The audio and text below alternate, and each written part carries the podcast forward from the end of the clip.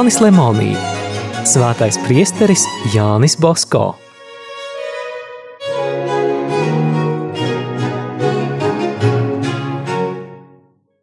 Ceturtās daļas ceturtā nodaļa Dāmihi animas – dod man dvēseles.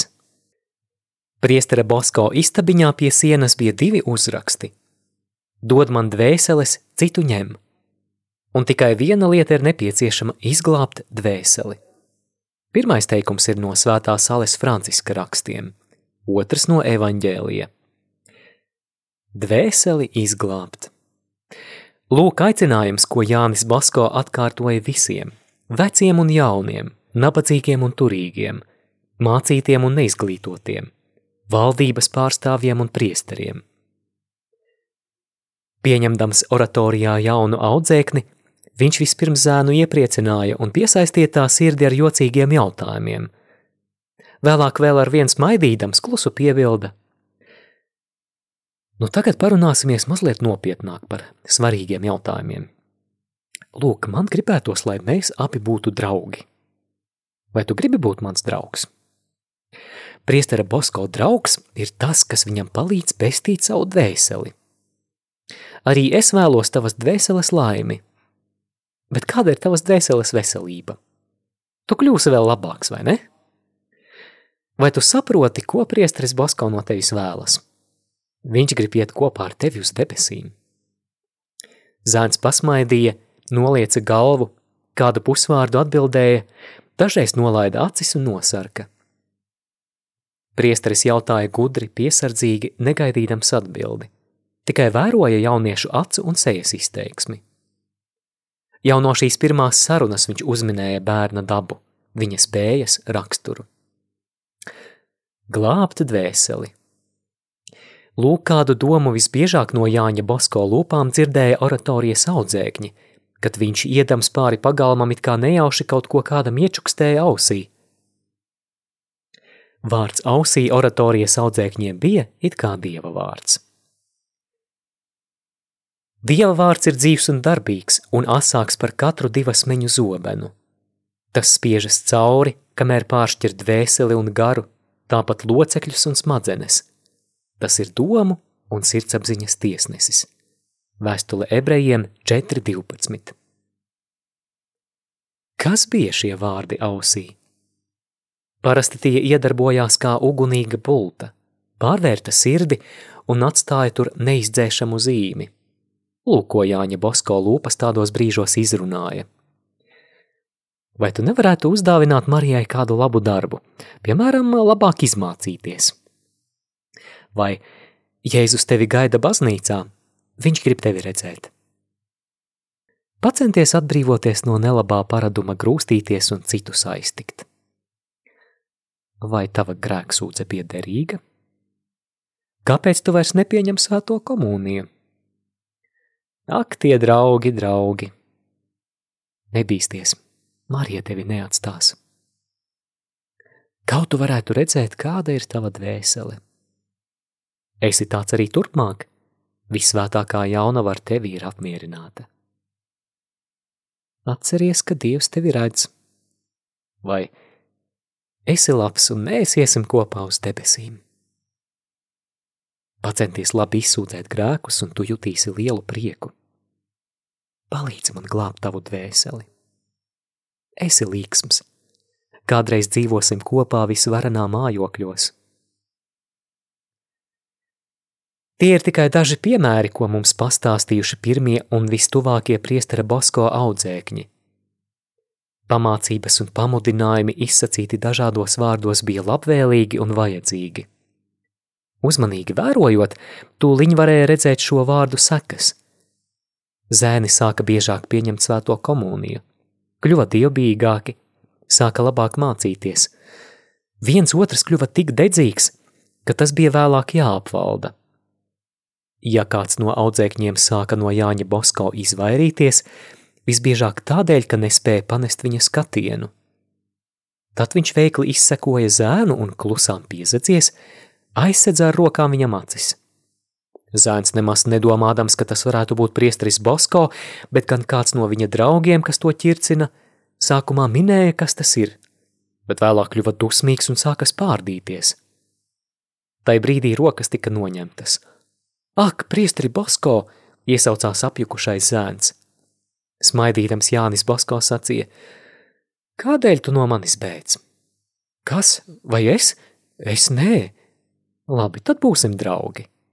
Un pieliecies viņš pateica vārdiņu ausī.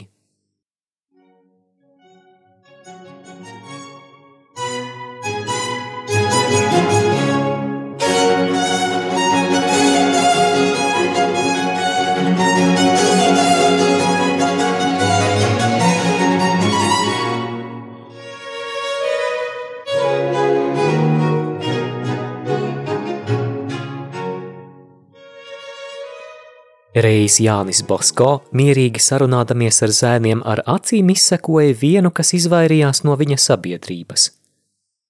Drīz zēna skatiens sastapās ar priestera Bosko skatienu, un sirdsapziņa tūliņi ierunājās. Zēns pieskrēja, noņēma cepuri un jautāja priesterim Bosko, ko viņš gribot sacīt. Priesteris iečukstēja vārdiņu ausī.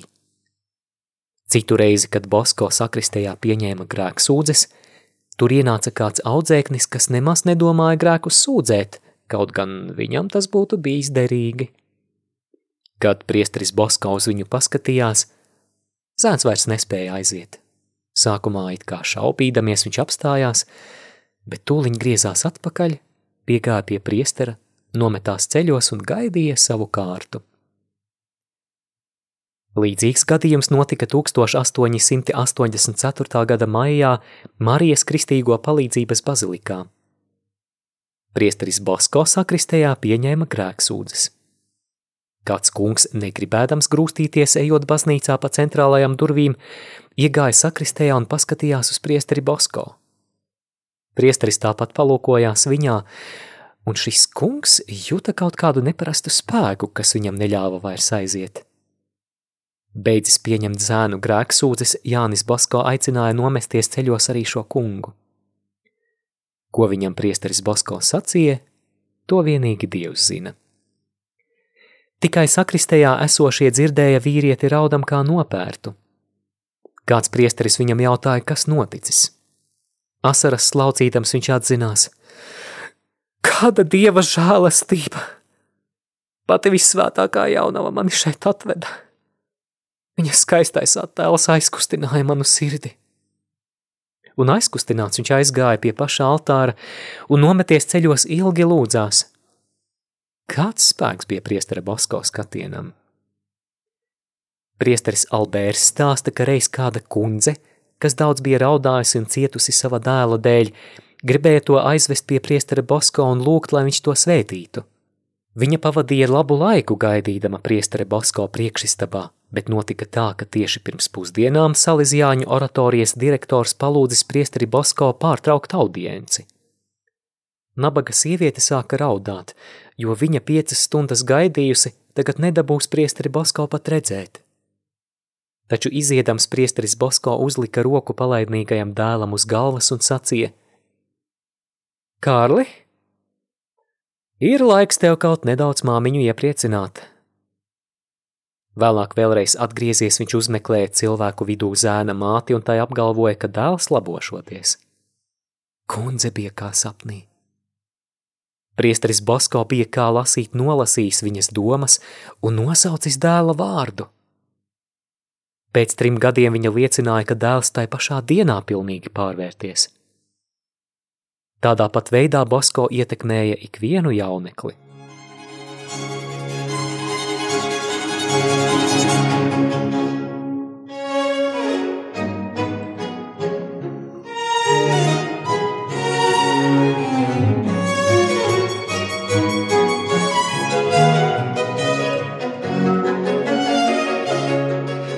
Bieži, stāsta priesteris Ruā, man nācās Jāni Bosko pavadīt ejot pa pilsētu – Viņu ieraudzījuši saskrēja zēni.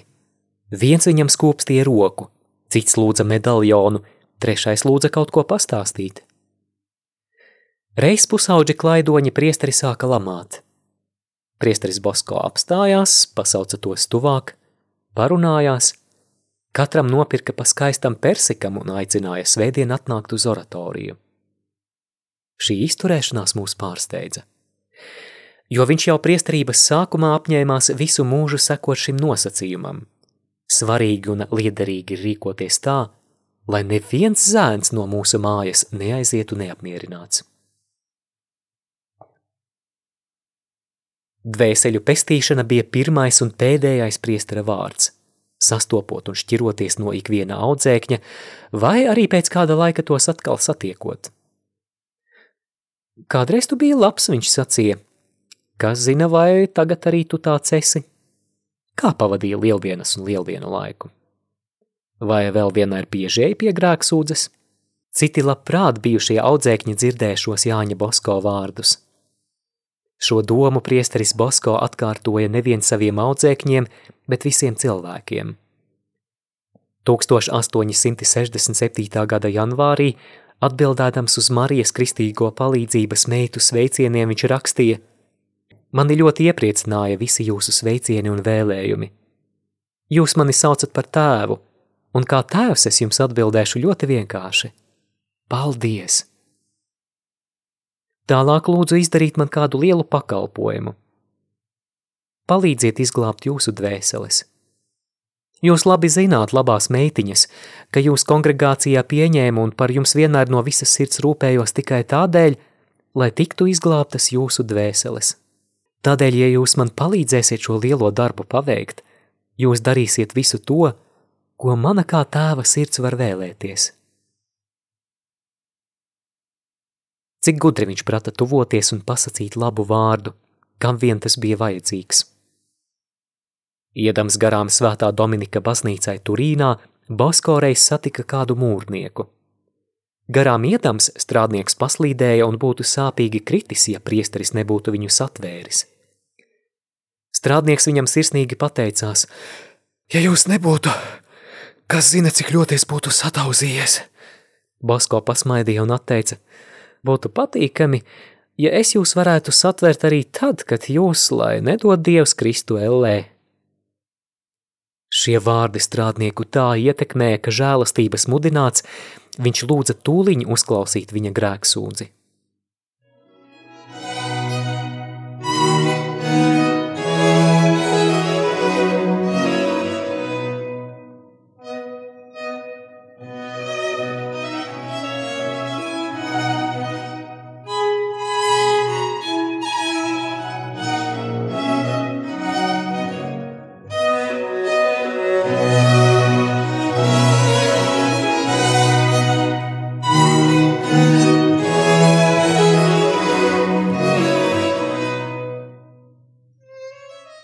Reiz grāfs Džibrārio, jau vairs nevisai jauns cilvēks un augsts ierēdnis Jānim Bosko sacīja, ka nedomājot šajā pasaulē ilgi dzīvot. Grāfa kungs, atteica Bosko. Jūs zināt, ka esmu vienmēr jums labu vēlējis un jūs ļoti cienu. Tādēļ arī tagad lūdzu, ka, ja tiešām jums liekas, ka ilgi nedzīvosiet, pēc iespējas ātrāk vajag nokārtot rēķinus ar svēto baznīcu. Džibrārio bija brīvdomātājs un baznīcas pretinieks. Būdams kopā ar Jāni Bosko, viņš pēc šiem vārdiem sajuta šausmas. Grāfs it kā sadrūma, nodūra galvu un brīdi padomāja, tad paspieda priesterim roku un teica: Jums taisnība. Arī es par to jau agrāk domāju. Labi, trīs nokārtošu. Sevišķi Bosko rūpējās par priesteru dvēselēm. Nereizi vien viņš sacīja, ka priesteris neiet viens ne uz debesīm, ne arī uz elli. Kad viņš redzēja kādu priesteri necienām sava augstā, neiznīcināmā goda un varas zīmi, viņam bija grūti valdīt asaras. Ja vien viņš būtu spējis, viņš tādu cilvēku būtu no visiem paslēpis – Nevienu vienu tādu nelaimīgo pie Jāņa Basko atsūtīja dekāni un bīskapi. Priesteris Basko nežēloja ne laiku, ne pūles, ne arī naudu, ja to vajadzēja, lai tikai noklīdušo atgriezt uz pareiza ceļa. Viņa pūles, paldies Dievam, nebija veltīgas. Gandrīz visiem viņš palīdzēja atgūt dieva žēlastību un cilvēka cieņu. Viņam pat laimējās dažus izraut no maldus lazdiem –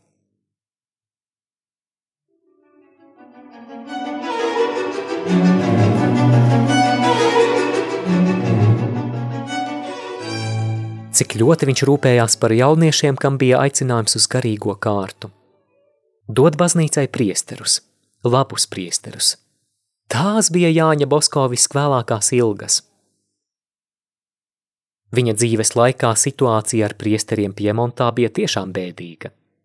Ja Turīnas bīskapijā pēc semināra slēgšanas vēl bija kaut cik jaunu priesteru, par to jāpateicas priestera Bosko rūpēm. Kad semināri tika atkal atvērti, tajos sāka stāties viņa audzēkņi. Aizgājuši pie bīskapa tie teica, gribam palīdzēt jūsu ekscelencē pestīt dvēseles, mūs sūta priesteris Bosko. 1883. gadā Bosko izteicās – Esmu apmierināts. Savācu cik vien iespējams statistikas ziņas un izrādās, ka no mūsu iestādēm jau izgājuši 2000 priesteru. Paldies Dievam un viņa svētajai mātei, ka mums dāvāta tāda žēlastība un gods. Tomēr šī statistika bija nepilnīga. Līdz Basko nāvei vēl 500 jaunekļu iestājās dažādos ordeņos un semināros. Bez tam nav jāaizmirst, ka priesteris Bosko, ja arī nebija pirmais mazo semināru dibinātājs, tad tomēr bija pirmais lielākais tādu semināru atbalstītājs.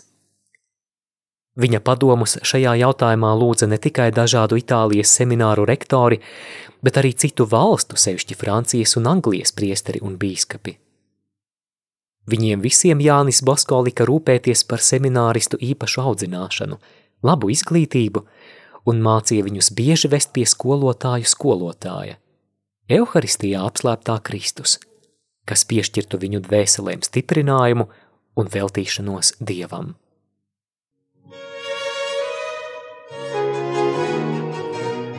Izskanēja lasījums no Jāņa Lemonī grāmatas Svētais priesteris Jānis Bosko.